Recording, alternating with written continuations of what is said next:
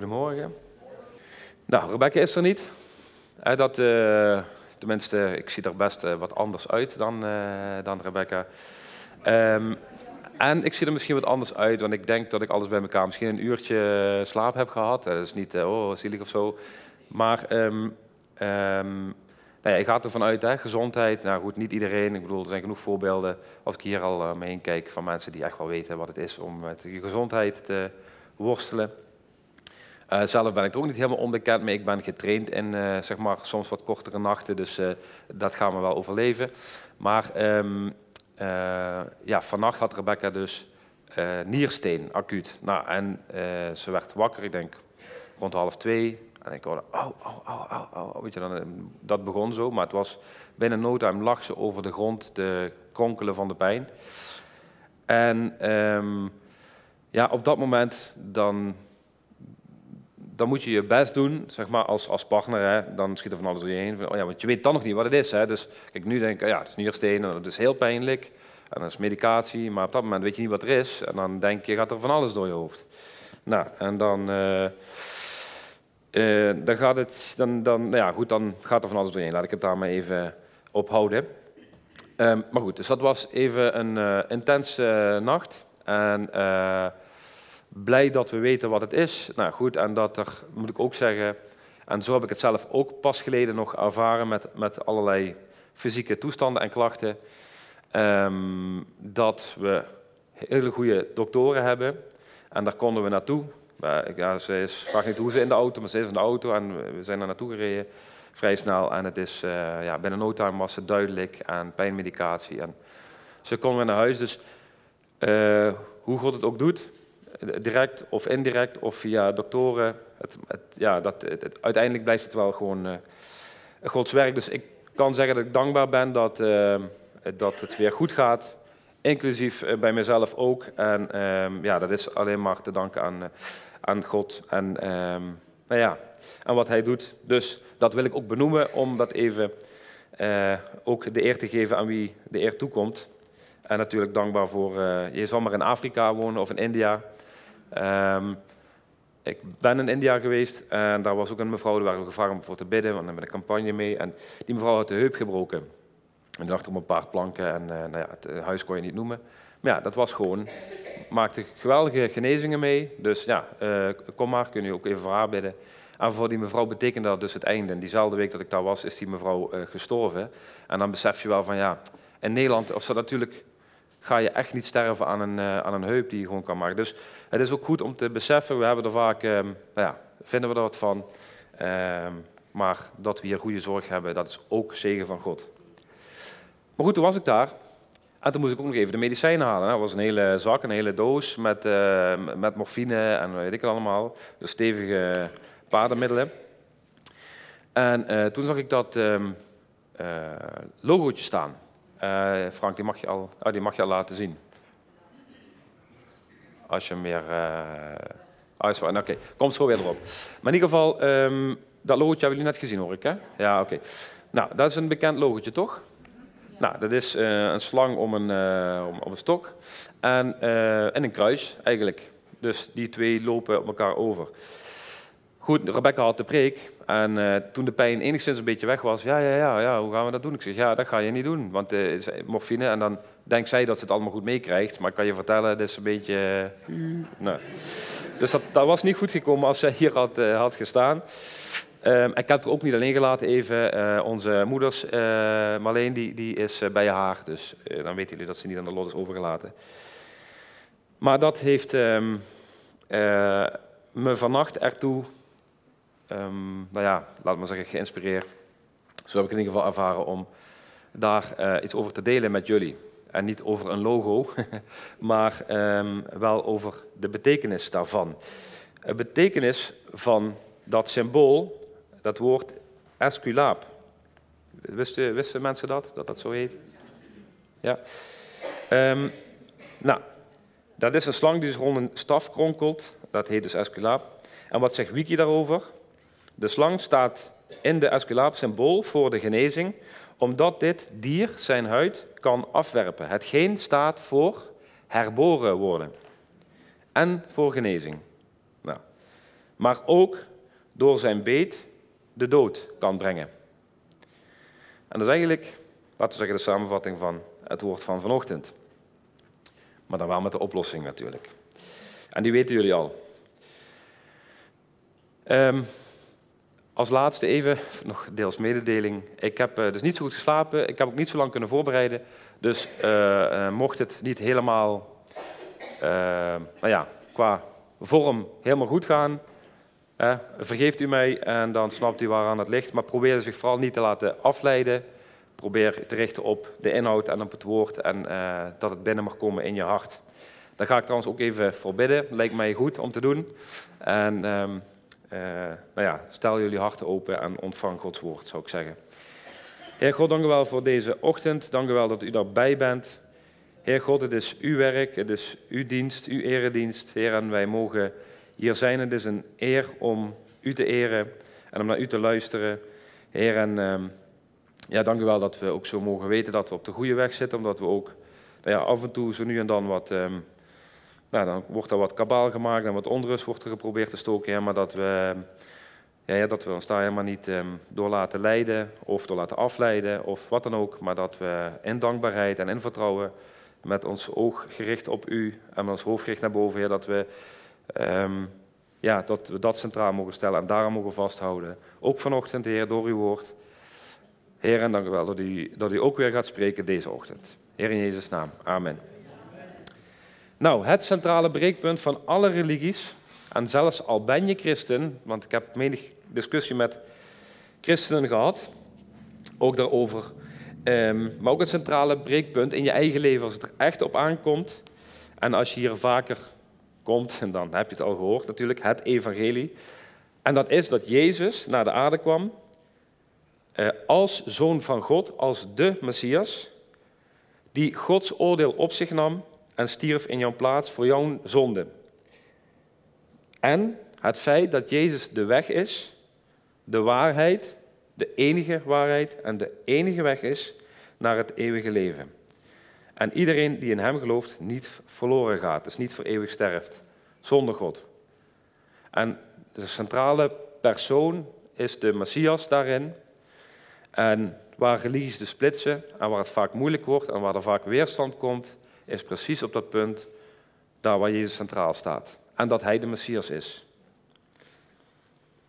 Nou, dus iedereen die hier zit, die kent, tenminste ga ik even vanuit, of de meesten kennen het, of van gehoord. Maar, um, maar het gegeven dat je dit weet en dat je dit kent, betekent op zichzelf helemaal niet dat je daarmee gered bent.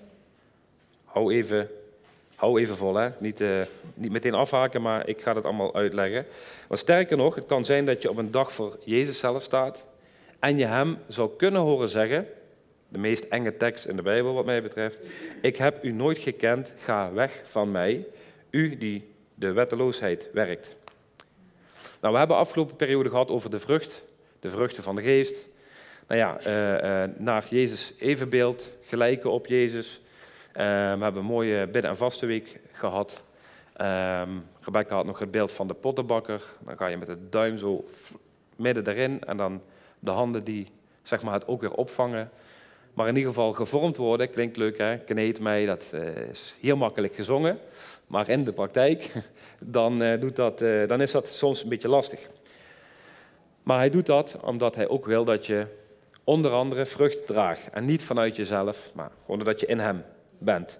Maar Matthäus 7, vers 20 tot en met 23, en daar staat, uh, herzien de Statenvertaling, zo zult u, daar staat, zo zult u aan hen dus aan hun vruchten herkennen. Niet ieder die tegen mij zegt, Heere, Heere, zal binnengaan in het koninkrijk der hemelen. Maar wie de wil doet van mijn Vader, die in de hemelen is, velen zullen op die dag tegen mij zeggen, Heere, Heere, hebben wij niet in uw naam geprofiteerd en in uw naam demonen uitgedreven en in uw naam veel krachten gedaan?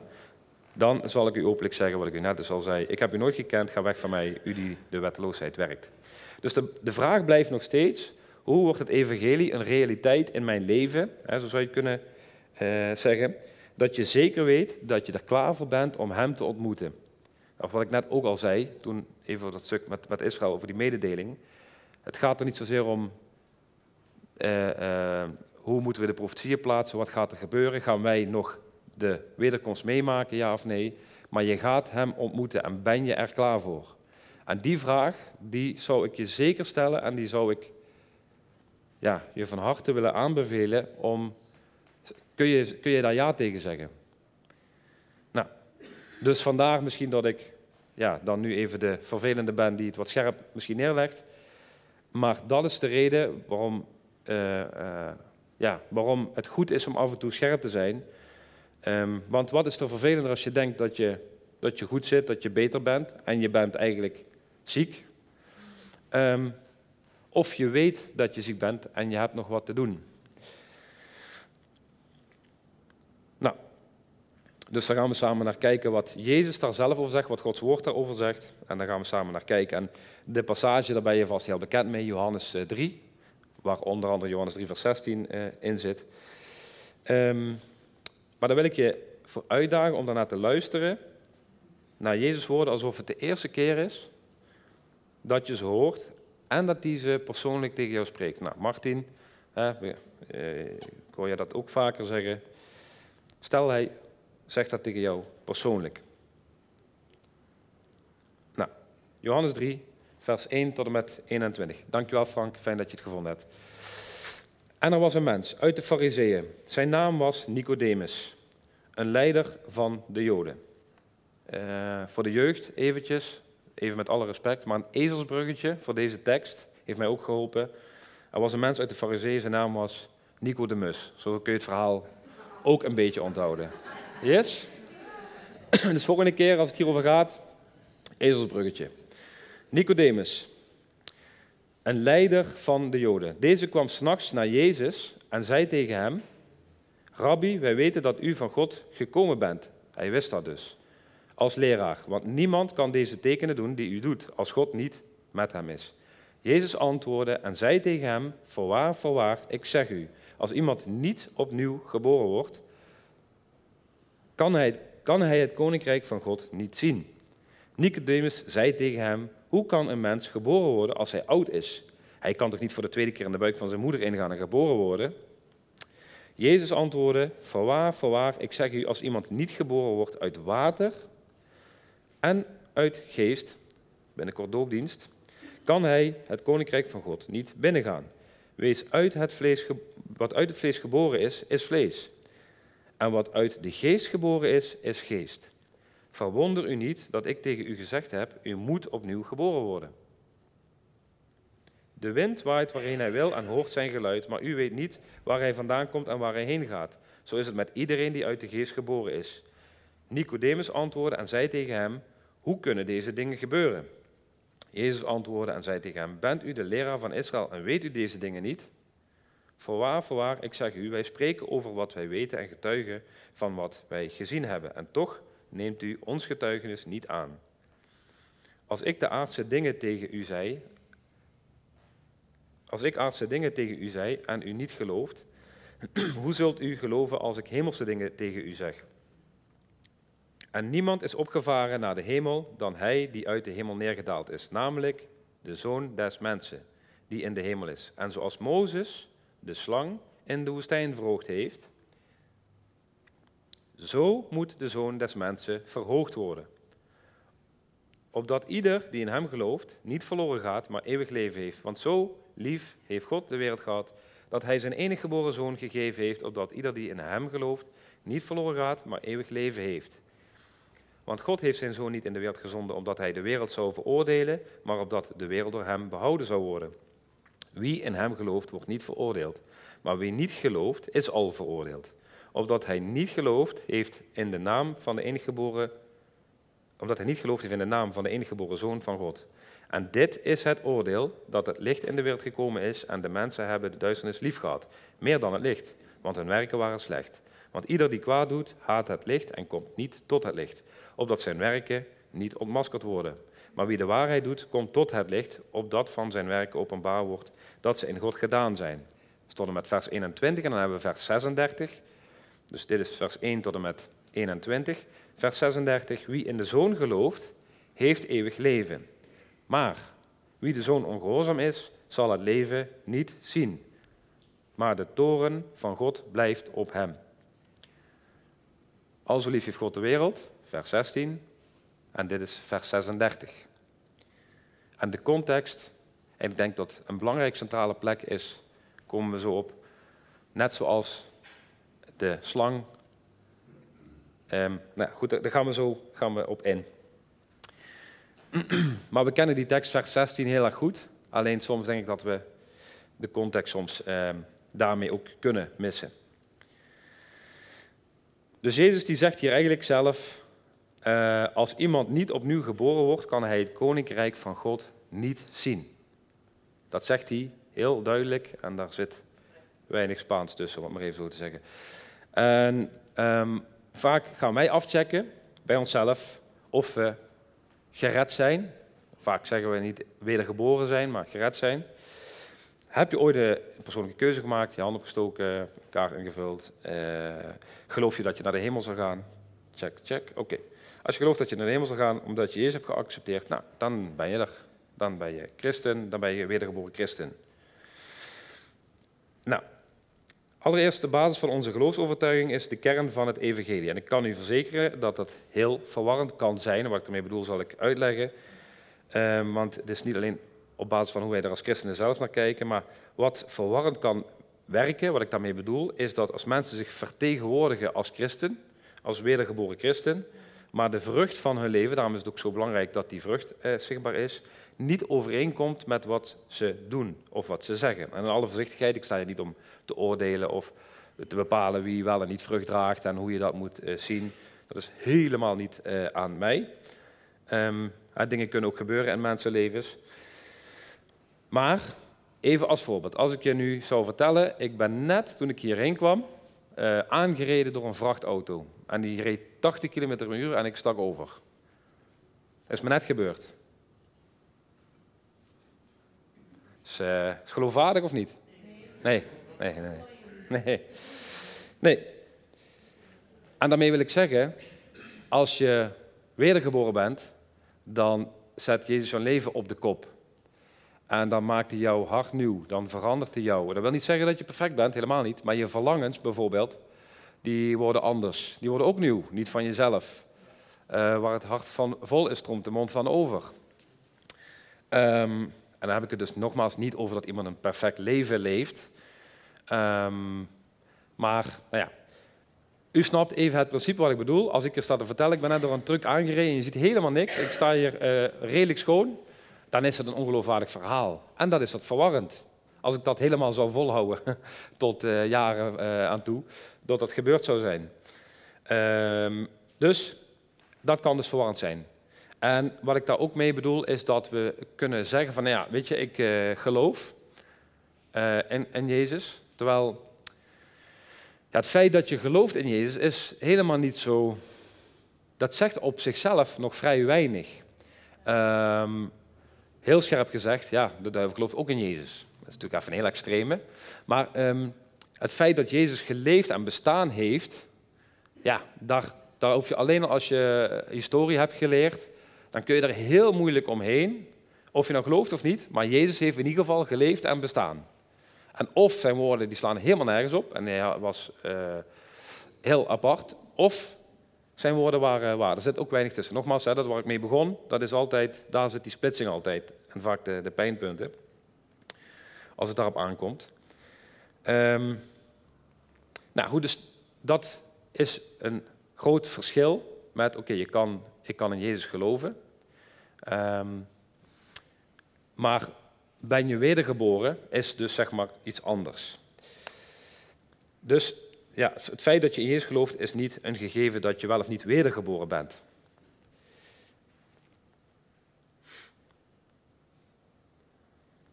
En je hebt ook mensen uh, die geloven in Jezus op een intellectuele manier.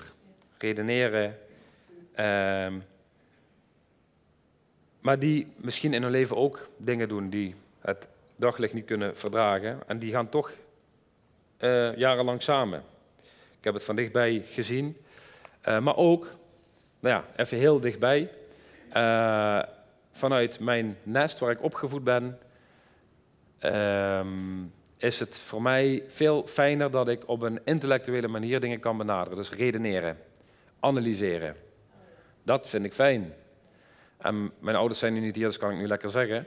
Maar ehm, ik denk dat ik het met name van eh, mijn pa heb geleerd.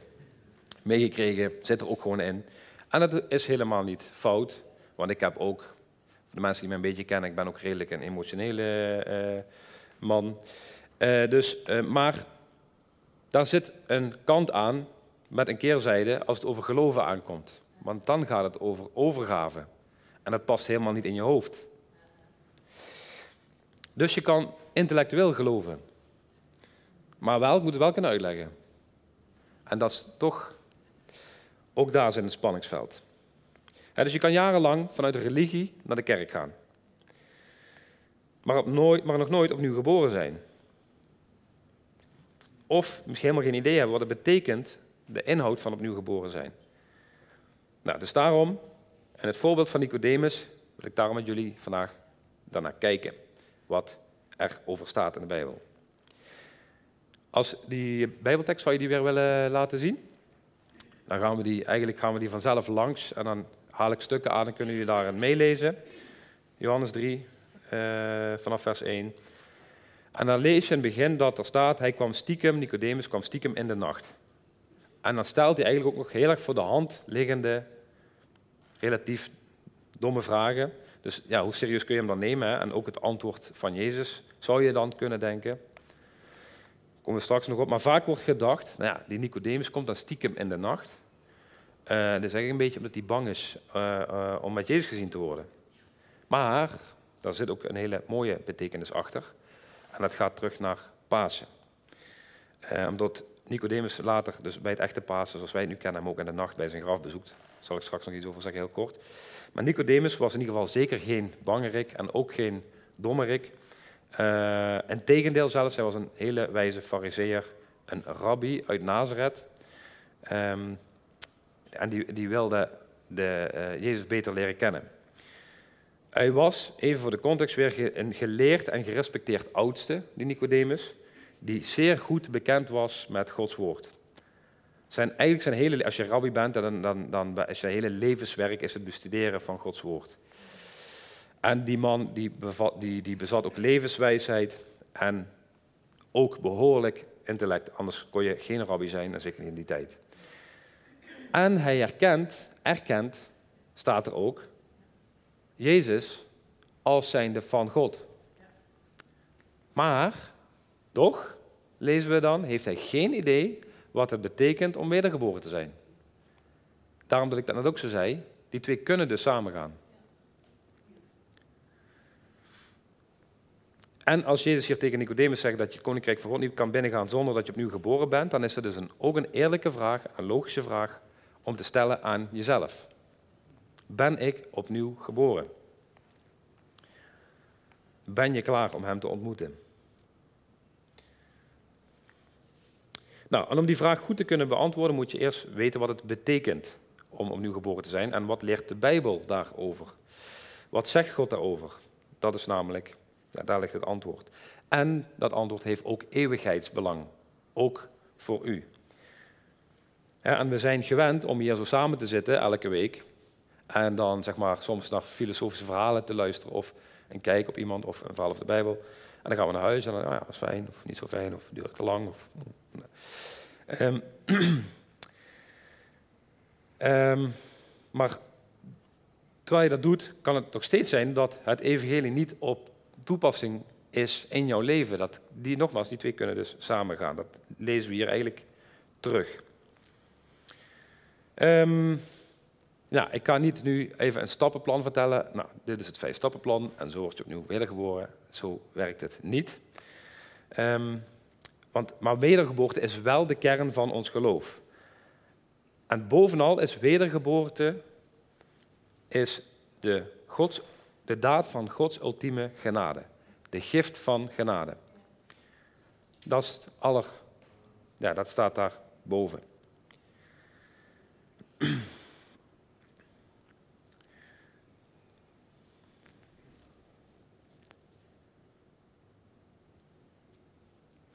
Dus uh, uh, het principe bid het gebed na.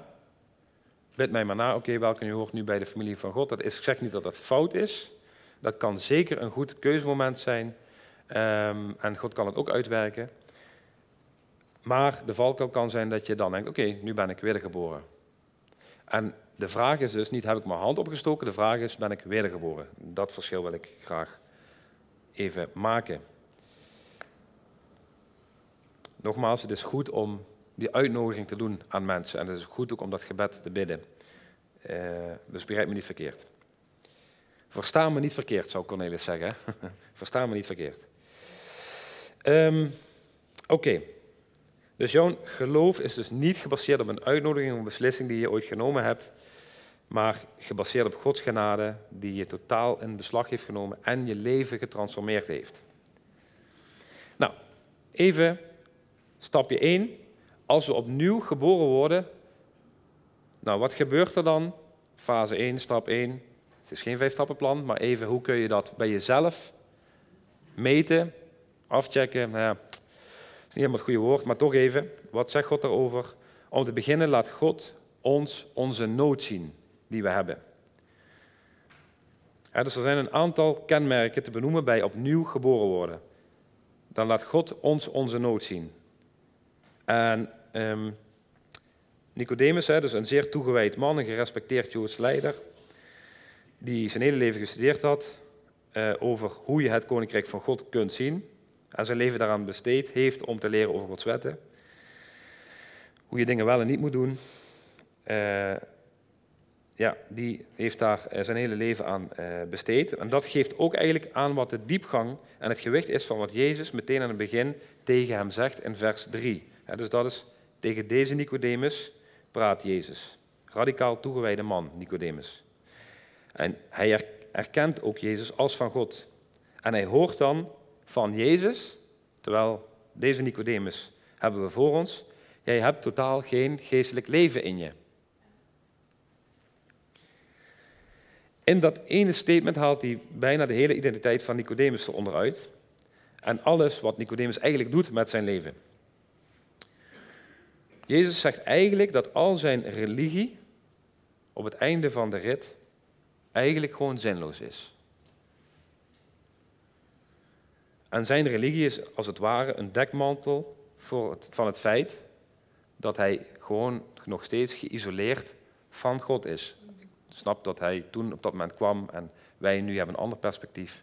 Maar even, hoe is het voor ons van toepassing? En zou het kunnen zijn dat onze religie, elke week er samenkomen, vandaag de dag kan fungeren als dekmantel klinkt negatief, maar even, probeer u te prikkelen, van onze isolatie van God. Zou dat ook voor ons zo kunnen gelden?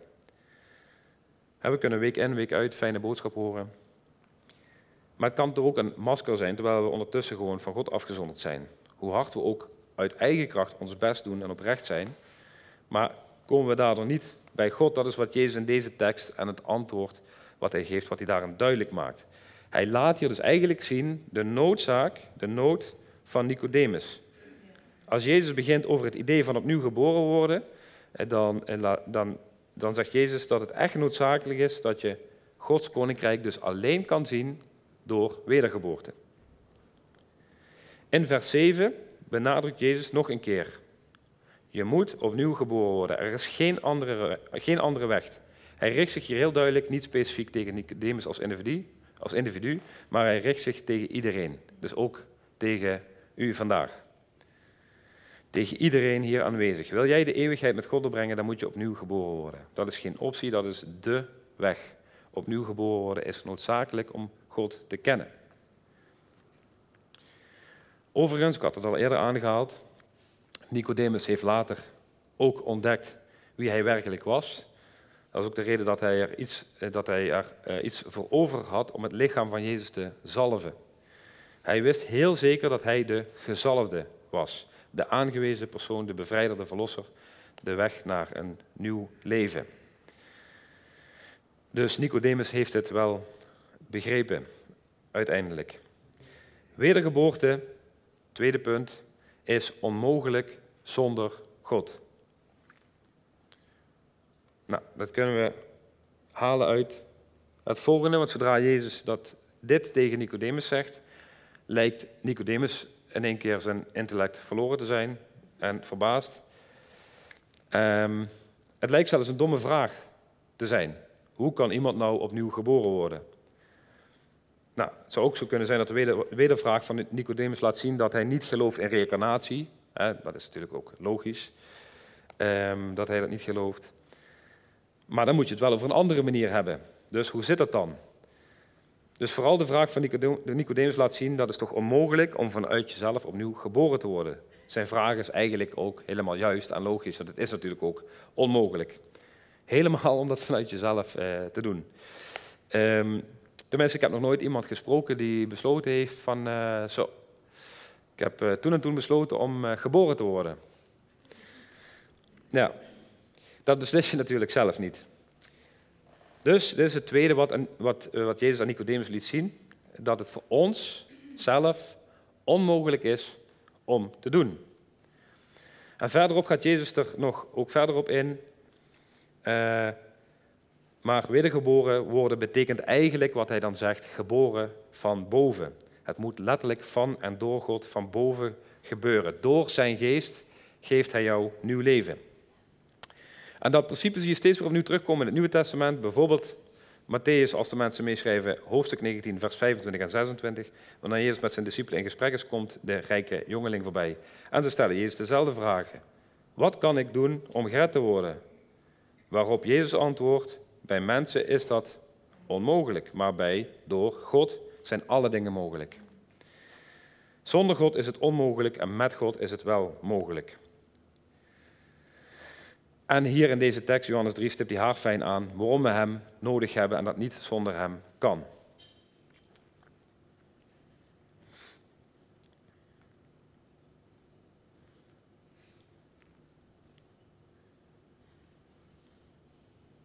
En als je opnieuw geboren wordt, dan ben je dus niet alleen vergeven, maar je ontvangt echt een nieuw hart. Een, je leven wordt echt getransformeerd met nieuwe verlangens, met nieuwe kracht, met nieuwe liefde. En vooral met het besef dat het niet meer om jou gaat. Dat het niet aan jou te danken is. En dat je God heel hard nodig hebt. En niet eens meer uit eigen kracht wil werken. Nou, vannacht, eh, toen had ik ook zo'n moment. Oh, eh, Heer, ik heb u nodig. Maar of ik dat nou, zeg maar, situaties kom waarin ik dat heel erg voel of niet. Maar ik heb hem altijd net zo hard nodig als wat ik dacht dat ik hem vannacht nodig had.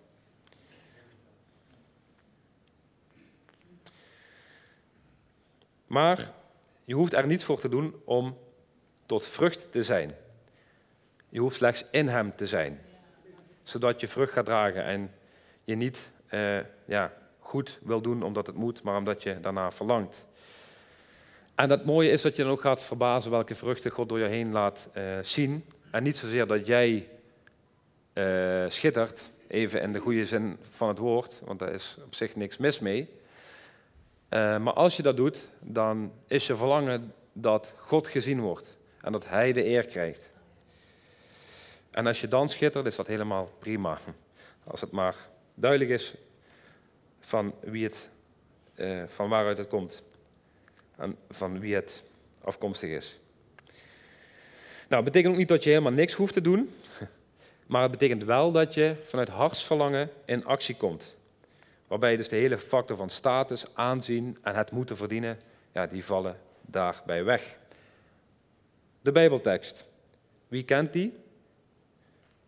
Wie zijn leven wil verliezen, helemaal overgeven, zal hem behouden. Maar wie zijn eigen leven wil behouden, die zal hem verliezen. Kennen we denk ik wel, hè, de meeste. En het sleutelwoord hierin is dus overgeven. Willen verliezen. En dan ook alles. Ja, en dat is, als ik naar mezelf al kijk, vaak een lastige. Maar dat betekent ook alles loslaten. Als ik even terugkijk naar bijvoorbeeld mijn kinderen, dat mag, dat mag, dat mag. En ja, ik, eh, ik vertrouw God, roep ik dan heel hard. En dat voel ik ook echt zo. Maar ja, Nee, maar wacht even, kinderen. Ja, maar ik ga toch even. Ja, zeker, zeker, zeker. Nee, nee, nee, is ook zo. Nee, ik vertrouw je ook. Maar ik ga het wel even zelf doen, als ik het niet heel erg vind. Want het zijn wel mijn kinderen. En dat is het uh, belangrijkste wat ik heb. En dat, uh, is mijn eigen vlees bloed. Nou, allemaal dat soort gedachten.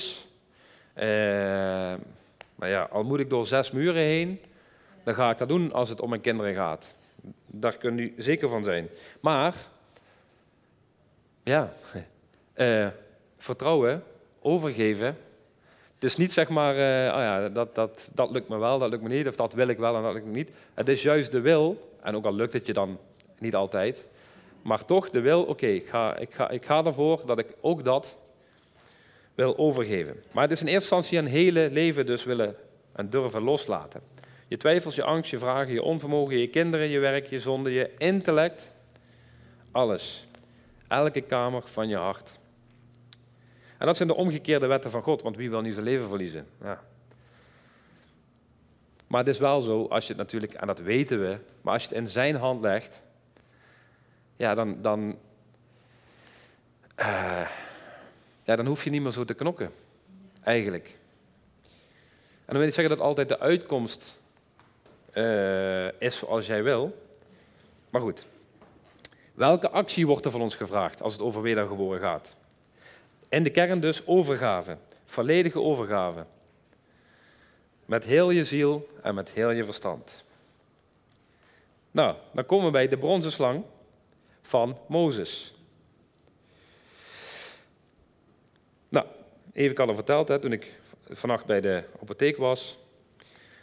Um, maar wat heeft de vergelijking met de bronzen slang ten tijde van Mozes, wat heeft die te maken met, uh, met nu en met de wedergeboorte? Nou, dat lezen we dus in Johannes 3. Maar het verhaal over die koperen slang vind je ook terug in nummer 21. volk heeft gezondigd uh, en ze zijn het klagen naar God. Ze zijn in de woestijn. Daar moesten ze heen. Moesten ze ook nog uh, langere tijd blijven met omweg. Nou. En dan vervolgens krijgen ze altijd hetzelfde eten. En de tenten, in afhankelijkheid. Ja, ik heb hier eerder ook al gesproken over de wolk en de vuurkolom. Uh, nou ja, loofhutten, allemaal het vieren van, van de afhankelijkheid van God. Maar ze hebben geklaagd naar God. Als ik me even in hun schoenen verplaats, dan kan ik me dat best wel een beetje voorstellen uh, dat ze geklaagd hebben. Maar voor God was dat, uh, die zag dat wat anders, om maar even zo te zeggen. Maar ik zou zeggen, lees het eens, nummer 21. Um, maar ze werden dus, God stuurde slangen, waardoor ze gebeten werden. En u kent natuurlijk het verhaal helemaal Adam en Eva, gaat ook over slangen, of een slang. um, Dus het is een opmerkelijk gebod omdat God, de, eigenlijk, omdat God in de wet nadrukkelijk verboden had een afbeelding van een dier te maken. Hè, dus dat ze naar slang moesten kijken om daarvan genezen te worden. Um, want die mag je natuurlijk niet aanbidden, een afbeelding. Uh, en ze mochten het zeker niet gaan zien als afgod. Um, alsof de slang zelf zou kunnen gaan genezen, wat natuurlijk niet zo is. En later zie je ook dat ze dat dus ook nog gaan doen. En dan wordt dat vernietigd. Maar goed, lees het maar eens eventjes. Uh, en even kijken. Ja. Onderweg werd het volk dus ongeduldig en zei: Waarom hebt u ons weggehaald uit Egypte? Verweten ze God en Mozes. Ja, dan zit je inderdaad op God eis als je gaat, God gaat verwijten. Um, om ons in de woestijn te laten sterven. We hebben geen brood, geen water. We kunnen dat ellendige eten niet meer zien. Nou, uh, dus die plaag met die slangen die komt. En uh, die beten het volk, zodat er vele van Israël stierven. En het volk beseft dat het ver is gegaan en dat ze een middelaar nodig hebben. Nou, dan gaan ze naar Mozes. Mozes krijgt dan de opdracht om een afbeelding van zo'n slang te maken en die op een staak te bevestigen. Mozes liet een koperen slang, ik ga even niet in op het koperen, maar dat is ook nog interessant, eh, maken en bevestigde die op een staak. En iedereen die door een slang gebeten was en opkeek naar die koperen slang, bleef in leven. Nou, even ik als, ja, ik, wil niet zeggen dat ik slim ben, maar even vanuit redeneren en analyseren. Oké, leg mij uit hoe het kan dat ik naar een slang moet kijken. Ik ben gebeten, ik ga hartstikke dood. Nou, dat zal ook niet leuk zijn geweest. Oké, ik moet naar een slang kijken. Ja, leg me even uit hoe dat werkt dan. Ik krijg geen spuitje, ik krijg geen antigif, ik krijg helemaal niks, ik moet naar een slang kijken. Ja, dag. Zou ik waarschijnlijk, als iemand die op die manier gelooft, tegen Mozes gezegd hebben. Ja, fake news. Uh, weet ik veel, wat voor term ik er uh, misschien aan te gooien. Maar ik ga er niet naar een slang kijken uh, en dan word ik genezen. Dat slaat helemaal nergens op. Um, Nou, even als voorbeeld hoe je met je gedachten je kan, kan, zelf kan remmen om je over te geven aan bepaalde dingen. Nogmaals, wees ook nuchter en waakzaam. Hè? Even. Maar Jezus pikt in het gesprek met Nicodemus dit incident eruit in de hele context van Johannes 3. De mensenzoon moet hoog verheven worden, zoals Mozes in de woestijn de slang omhoog geheven heeft. Johannes 3, vers 14. En daarmee krijgt dit verhaal meteen een hele andere dimensie. Dus, uh, um, want de koppeling tussen het kijken naar de slang om te genezen en kijken naar Jezus, die is daarmee eigenlijk heel snel gelegd. Hè? Maar het is eerst essentieel om goed te begrijpen wat er om zou gaan in het hoofd van een Israëliet in de woestijn en dan pas te kijken hoe ver dit beeld toepasbaar is ook op Jezus. Wat ik al zei, het was natuurlijk de strengste verboden om afbeeldingen te maken van een dier als afgod. Dat gebeurde in die tijd eh, nogal. Dus is de uitleg dat de mensen redding verwachten van de slang, is dan dus te kort door de bocht. En later zullen de Israëlieten de koperen slang, wat ik al zei, ook dan gaan aanbidden. 2 Koningen 18 vers 4, daar lees je dat terug. Nou, maar waarom moesten zij dus opzien naar de slang? Waarom was dat zo? En wat was in die tijd de les daarvan? Ja, je kan het dus niet afdoen van het is een beeld van Jezus, want de Israëlieten in de zouden geen beeld van Jezus hebben gevormd. Dat kon toen natuurlijk nog niet. Maar het is voor de Israëlieten wel duidelijk dat de slangen niet zomaar een plaag zijn. De oorzaak namelijk ligt in het feit dat zij gezondigd hebben tegen God. Dat zeggen zij zelf ook met zoveel woorden in die nummerie, vers 21, eh, vers 7. Daarom vragen zij dus aan Mozes om naar God toe, te bidden en dat resulteert dan in die koperen slang. Wie stervende was, nou, uh, die hoefde niet herinnerd te worden aan de oorzaak van de ellende, want dat was namelijk de slang die hem gebeten had. Dus diegene moest heel goed beseffen dat de slangen hun oorsprong vonden in hun eigen zonde. Dat is het beeld.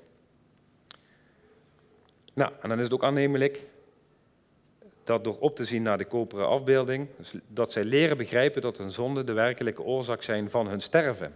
Dat iemand die zondig is, zal de sterven.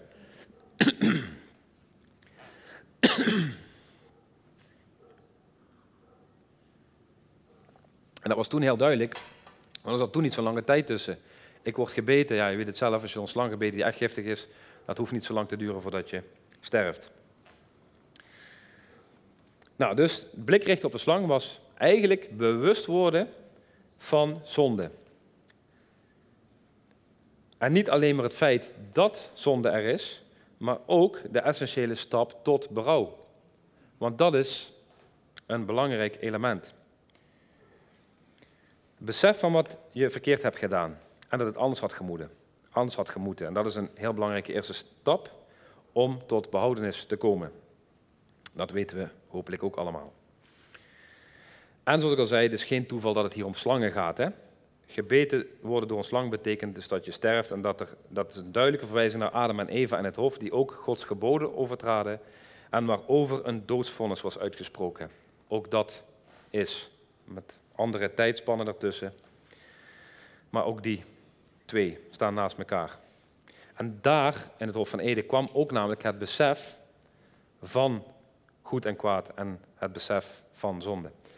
Zij beseften daarna wat zonde is en dat zij ook verlossing nodig hadden.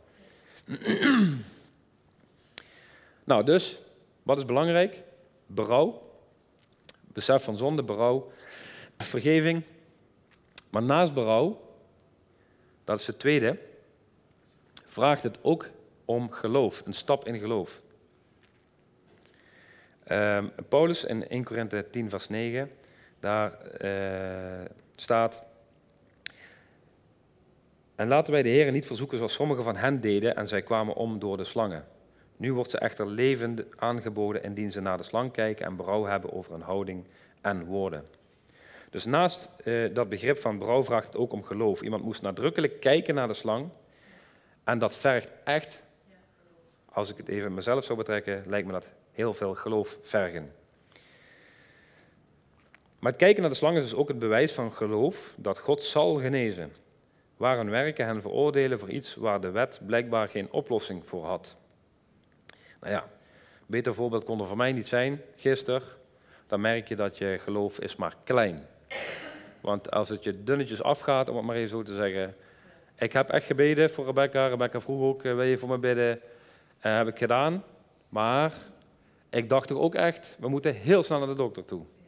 Dat dacht ik ook. Dus uit mijzelf, wederom, geloven is geen prestatie. Maar toch vraagt God, en daarom zeg ik, het is vooral overgave. En het is ook mijn tekortkoming, en ik weet dat God te vertrouwen is. Even ongeacht uitkomsten. Maar. Oké. Ehm.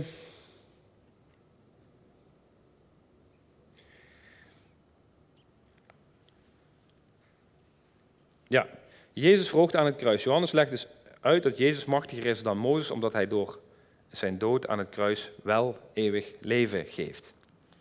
Ja, dus uh, hopelijk nu het verhaal van de, van de koperen slang uit Numeri, die kunnen we nu uh, plaatsen en begrijpen en snappen in de context met het gesprek met Nicodemus, met Jezus en Nicodemus. Dus Jezus spreekt daar, terug weer in het gesprek met uh, Nicodemus, Johannes 3, die spreekt daar over de noodzaak om een nieuw mens te worden. Hij gebruikt daarvoor het beeld van opnieuw geboren worden. En het kan alleen als er begrip is voor de noodzaak om opnieuw te beginnen. En juist in dat verband noemt Jezus de slang op de paal. De mensenzoon moet hoog verheven worden, opdat iedereen die gelooft in hem eeuwig leven heeft. Uiteraard wil eeuwig leven zeggen dat zij niet sterven en je zonde niet gedaan worden. Daar komen, daar komen vervolgens eh, de beide lessen bij die we uit Nummerie konden leren. Dus het beeld van de verhoogde slang bracht een besef van één. En die is heel belangrijk, mocht je wel meeschrijven. Berouw en besef van eigen falen. En twee, het daarna opzien, wat dus duidde op geloof. Een vast vertrouwen, overgave en de oplossing die God aanbood. Ja, als je niet zo goed kan voorbereiden, dan kun je ook de tijd van tevoren niet even checken. Maar goed, we kunnen nog heel even. Hou vol, hou vol. We zijn er bijna. Maar nog niet helemaal. Nou, als laatste Jezus als beeld van de zonde.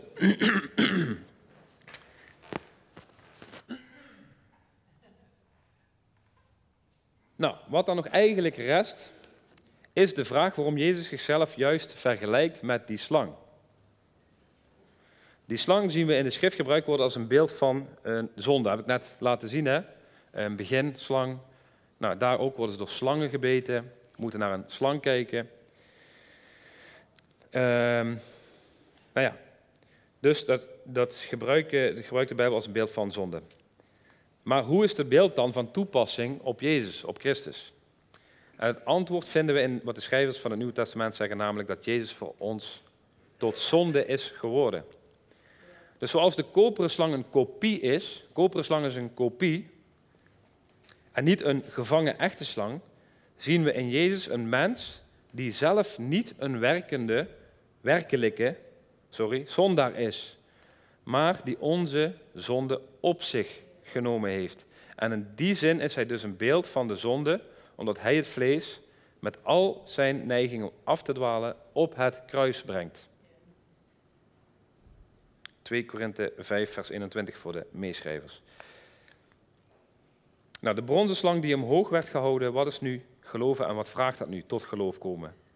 Opnieuw geboren, opnieuw geboren worden. Er naar kijken, geloven dat het zo is. En dan herstel ervaren.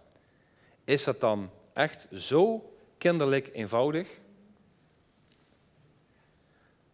God zegt dat wedergeboorte tot geloof komen dus de enige manier is maar tegelijkertijd is het iets wat wij zelf niet kunnen bewerken of vanuit onszelf kunnen ontvangen. Alleen God kan het geven.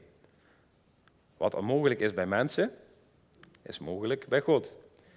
Maar er staat ook in Romeinen, wie met zijn hart gelooft en met zijn mond beleidt, zal worden gered. Met je hart geloven en met je mond beleiden. Nou, geloven als een kind is ook zo'n welbekende christelijke visserslatijn term. of spreuk. Maar uiteindelijk is die keuze kinderlijk eenvoudig in zichzelf. Alleen wij als volwassenen zitten in ons hoofd. Hebben dingen meegemaakt. Um, willen niet in de spiegel kijken en ja, dan moet ik zeggen sorry of heb ik niet goed gedaan. Dat zijn dingen die wij als volwassenen heel, heel erg moeilijk vinden. En daar zitten dan net twee kernen. Maar goed, je echt overgeven met de oprechte bereidheid je leven ook over te geven en dus te verliezen. En de invulling daarvan. We hebben net het lied gezongen van uh, Zend mij, mooi in kanon. Uh, ik aanbid u. Hoe, hoe, hoe, ging het ook alweer? Jij weet het beter dan mij. Zend mij, zend mij waar, u, of ja, waar u ook mij zendt, daar, daar, daar ga ik heen. Sta je voor, nou ja, je wordt ergens naar gezonden in een of ander land waar je en dus alles moet achterlaten. Echte overgave kan, uh, kan serieuze gevolgen hebben. Maar goed, je echt overgeven met de oprechte bereidheid je leven te verliezen, zoals Jezus het ook vraagt. Dat kan weer moeilijk zijn om dergelijke keuze gewoon kind eenvoudig te maken. Dus is geloven dan zo eenvoudig als kijken naar een bronzen slang ter voorkoming dat je sterft van de beet van een giftige slang? Ja. Dus kijken naar Jezus aan het kruis en geloven dat Hij de Messias is, de Zoon van God. Niet alleen zodat je niet sterft aan je zonde, maar zodat je eeuwig leven hebt met God. Dat is het. Geboren worden kun je niet kiezen, dat gebeurt. Het ervaren van liefde kun je niet besluiten, dat ontvang je. Geloofsovertuiging kun je niet besluiten, dat ontvang je. En toch vraagt het een keuze. Een keuze vanuit jouw vrije wil, want dat is Gods ultieme liefde. Hij heeft jouw vrije wil gegeven. Namelijk om je helemaal over te geven.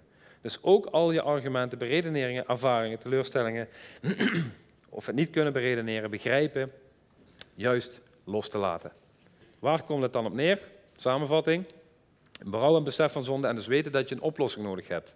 En twee, overgave in geloof, zonder zelfs als je het met je verstand niet kan beredeneren. En de sleutel is, wie bereid is zijn leven op te geven, zal hem winnen. Wie zijn eigen leven wil behouden, zal hem verliezen. En een mooie vergelijking daarin, als afsluiter, is de vergelijking met de schat in de akker. En de man die, had een, die wist dat er een schat in de akker lag. En die wist wat de waarde was van die schat in de akker. En hij verkocht al zijn bezittingen met vreugde om een akker te kopen. En anderen zeggen dan, nee, jij bent helemaal gek. Jij spoort niet uit al je bezittingen, stel je huis, je auto, alles, de hele mikmak, ga je allemaal verkopen om een of ander stukje land te kopen. Maar hij deed dat lachend met vreugde. Waarom? Omdat hij wist wat de schat in de grond was. En dat is het beeld van wie Jezus is. En dan kun je zeggen, oh ja, poeh, dan moet ik alles opgeven. Maar als je het overgeeft aan Hem, dan win je alles. Voor de eeuwigheid.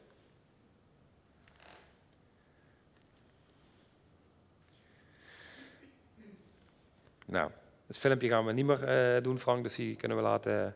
Voordat het is, die mag Rebecca voor een keer zelf doen. Maar ik wil je vragen en uitnodigen. Ik wil een moment van gebed nemen en straks uh, het lied samen zingen. En dat lied, nou, dat is eigenlijk ook al een soort uitnodiging op zichzelf. En ook al zit je hier al langer in de kerk, of zo af en toe in de kerk, of nou ja, heel lang niet. En maakt allemaal niet uit. Hoe je hier zit, hoe vaak je hier komt, is allemaal niet zo interessant. Maar wel is interessant de vraag: weet jij dat je er klaar voor bent om Hem te ontmoeten? Weet jij dat je het weet, dat je wedergeboren bent? En als je dat bent, nou ja, dan denk ik dat je, dan, dan, dan heb je die overtuiging ook. heb je dat nog nooit eerder gedaan? Om te zeggen de daad van actie in de zin van, oké, ik wil me aan hem overgeven, Ook al snap ik het niet, ook al vind ik het eng, vind ik het spannend. Maar doe dat. Um, zoals ik al zei, het heeft eeuwigheidswaarde.